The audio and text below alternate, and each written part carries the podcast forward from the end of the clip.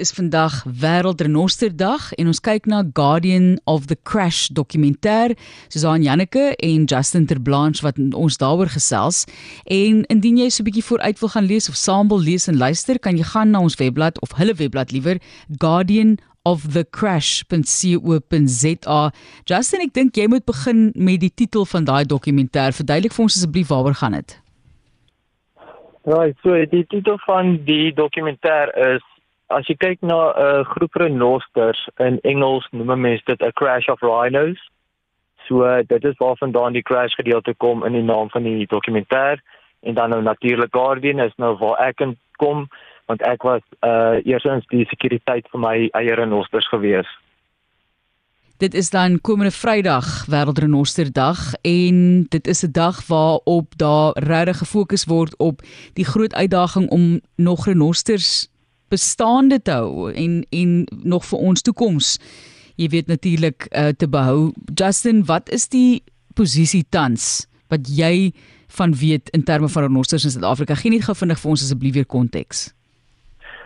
Ja, so as ek van my oogpunt af moet verduidelik, ehm um, renosters is nog steeds baie in gevaar. Ehm um, eintlik is daar baie renosters, ek wil sê wat eh uh, beveilig word in private reservate en so, maar hulle word nog steeds op daaglikse basis gestroop. So die nommers is baie laag. Niemand kan verseker sê nie omdat stroopry nog steeds so baie plaasvind. Ehm um, maar mense is maar daar wat hulle hulle bes probeer om nog die spesies te red want net 'n simpele voorbeeld as ek nou die noordelike witrenoster moet vat daar is net twee oor van hom nou die enetjie wat ek na kyk hierso is die suidelike witrenoster en daar is as ek 'n rowwe skatting moet gee enigiets tussen 10 en 12000 maar niemand kan verseker sê nie want hulle moet weggesteek ook word want ons verseker is deeltyd wat dit verskriklik gevaarlik is Ek meen ek myself het 24 uur uh sekuriteit wat permanent by my renosters is en ek myself is ook altyd uh, by hulle as ek kan wees. Maar dis maar wat 'n mens moet doen. Mens moet maar hulle probeer veilig hou want die gevaar is die hele tyd op hulle. Ons praat oor hierdie dokumentêr. Jy kan gerus gaan kyk na hulle webblad. Weereens, dit is guardianofthecrash.co.za.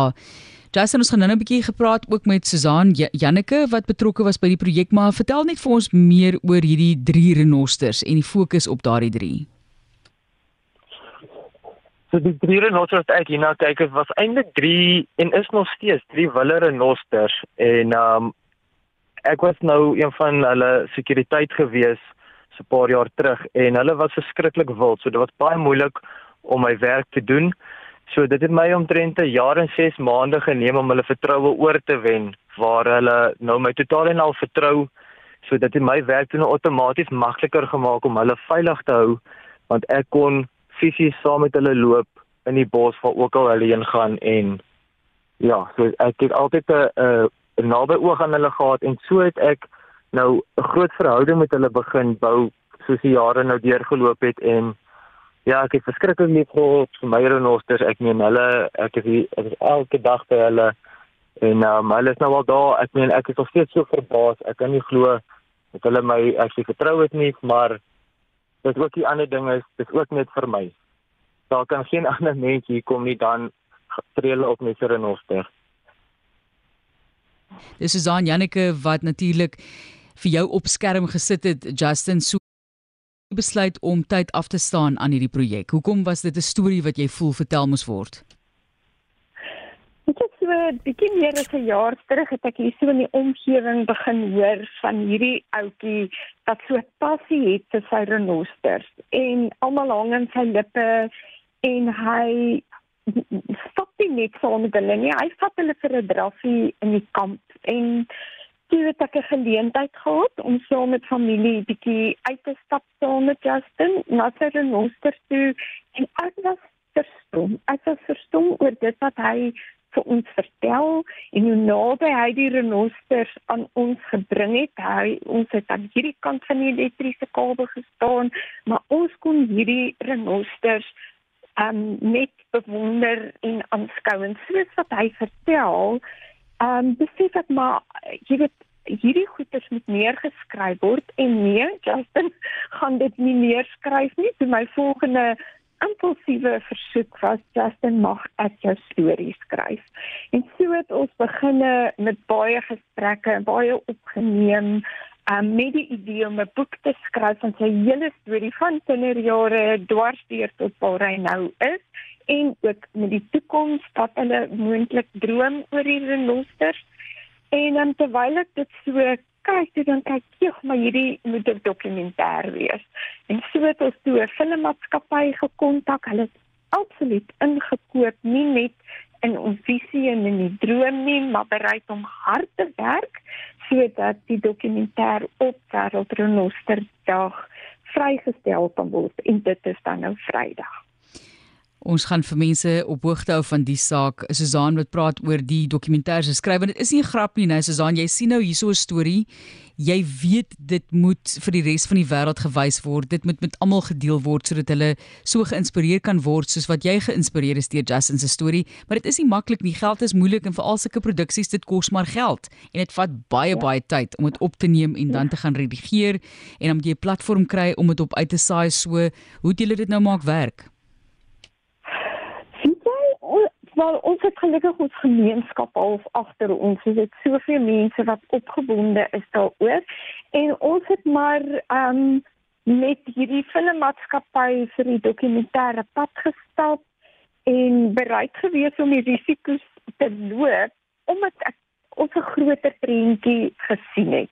Want die dokumentêr is aan die een kant om iets wakker te maak rondom renosterbewaring Um, maar ook aan die ander kant is dit 'n storie van hoop en passie om net weer vir mense aan te moedig. Weet jy, as jy nie op 'n plek is waar jy jou passie uitleef nie, um soek om um jy weet volg jou drome, daar's daar's altyd hoop.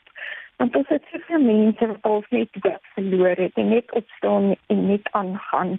En in Justin se storie, dit ons um, so 'n mooi voorbeeld van 'n storie van hoop. Um, maar dan saam met dit ook weer die hele realiteit van ons het 'n oorlog om hierdie ander nosters te bewaar en um, 'n besluit daarvan wil ons weer kweek by die mense letterlik 'n oorlog. Dit is Wêreldrenoster Dag Vrydag en dan word die dokumentêr nou bekend gestel mense Guardian of the Crash. Justin Terblanche is die fokus van die dokumentêr met die drie renosters wat hy direk eintlik mee gewerk het. Ek kan dit net maar so stel. Justin, ek weet nie hoe mense dit anders stel, bevriend het. Ek dink seker maar mee gewerk het. Dis 'n beter beter manier om dit te beskryf, maar Justin, jouself het gevoel daar's nie regtig 'n pad vir jou in die lewe nie. Jy het nie geweet watter rigting jou lewe moet inslaan, gaan inslaan nie en toe het jy hierdie eerste ervaring met 'n renoster wat jou lewe heeltemal verander het en iewes skielik het jy 'n visie vir jou toekoms en weet jy wat jy met jou lewe wil doen. Vertel vir ons net van daai oomblik en die oorgang van hulpeloos, moedeloos na die venster het oopgegaan, die gordyne het oopgegaan. Ek weet wat ek met my lewe moet doen. So ja, ek nou sou verduidelik, ehm um, ek was maar iemand gewees wat ek maar nie die lewe gevat soos hy gekom het. Ek het nie noodwendig belangstelling gehad in goed nie alhoewel ek het altyd van kind af het ek van diere gehou en om buite te wees was maar net hoe my dis net hoe ek die lewe geniet het. Maar toe ek eintlik in die anti-poaching bedryf ingeklim het en ek werklik nou gesien het waar die renosters gaan, het my liefde vir diere net weer so goed herstel en ek het totaal en al hoe kan ek sê nou in hierdie bedryf aangegaan om wat ook al renosters ek voorna gaan kyk my alles gaan gee. En ehm um, ja, dit is net ja, my ongelooflik gewees toe ek nou uh, by 'n plaas kon uitkom en toe is dit soos ek het nou ewe skielik planne en ek het idees vorentoe. Normaalweg het ek maar net dag tot dag geleef, maar nou het ek eintlik goed wat ek wil bereik en daar's so 'n verantwoordelikheid wat ek het nou en dit is die lewens van hierdie drie renosters. En ek meen dit was hulle renosters gewees en ek het vir my ek het so erg uit ingespring dat ek het nog eers veel geweet van renoster gedrag nie, maar ek het net gesê ek moet iets doen om om hulle beter te beveilig want die gevaar wat in hulle is is is skrikwekkend. En ja, ek het maar in die diep kant van die swembad gespring as ek dit so kan sê en ek het maar dit was maar baie gejaag gestaan en gegooi in die proses. Maar na jare 6 maande het ek hulle vertroue oorgewen en dit is net ek is net so dankbaar ek het daarom deurgedruk om om aan te hou want ja, dit is voluit wat my passie is en ek voel dit is iets wat belangrik is as 'n mens jou passie, weet wat jou passie is, moet met alles insit om dit te volg want dit is definitief moeite werd op die einde van die dag. Dis die stem van Justin Terblanche wat so 'n verskil wil maak in die wêreld van renosters en die toekoms en die feit dat ons nou baie graag sal wil sien dat hulle by ons bly. So kom ons kyk net nou na die bewaring van renosters Justin in jou ervaring wat moet gedoen word. Ja, daar's 'n paar dinge wat 'n mens kan doen. Ehm um, heidaglik is 'n mens daar wat 'n mens nou maar sekuriteit het, maar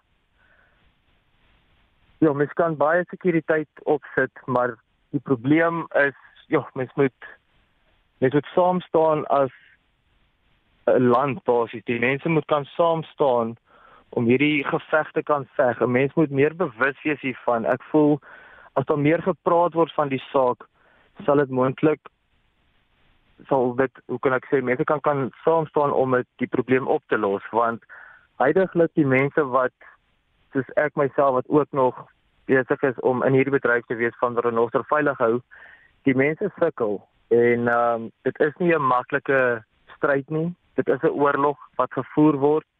Dit is baie moeilik en ehm um, ek voel mense, dis normale mense wat self kan help met die donasies. Dit sal dalk iemand op 'n plaas kan help soos iemand soos ek byvoorbeeld.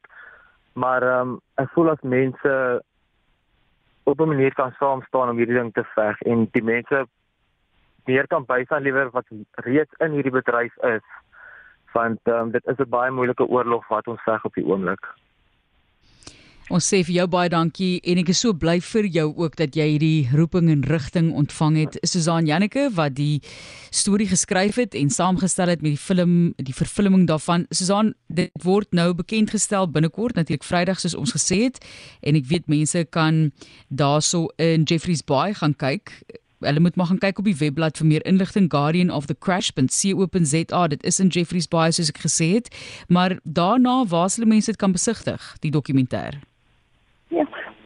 Um, wil dit nog dieselfde aan, as dit moontlik is, wil ons dit op YouTube ook vrystel. So dit gaan um, daar wees vir almal om te sien en almal om te deel en en daardeur 'n groter bewusmaking te skep um, vir hierdie bewaring en te ondersteun en te soek waar 'n organisasie dalk in in my area wat um, my ondersteuning nodig het. Dalk is dit nie noodwendig net vir nosters nie, ons hart is vir nosters, maar die die hele verantwoordelikheid wat ons het teenoor die skepping en om dit op te pas is op elkeen van ons. So dit sal op YouTube wees, maar die meeste besonderhede gaan dan ook op ons web, webblad sy wees. Ons sê vir hierdie mense wat soveel werk doen om bewusmaking te skep vir renosters baie dankie. Weereens Guardian of the Crash.co.za en dit is Vrydag Wêreld Renoster Dag wanneer hierdie dokumentêr vrygestel word.